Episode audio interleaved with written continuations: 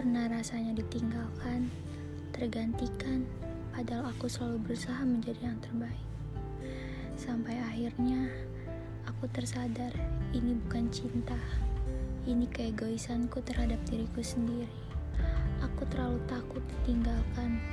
Aku hanya ingin dia bahagia bersamaku, hanya aku, gak ada yang lain.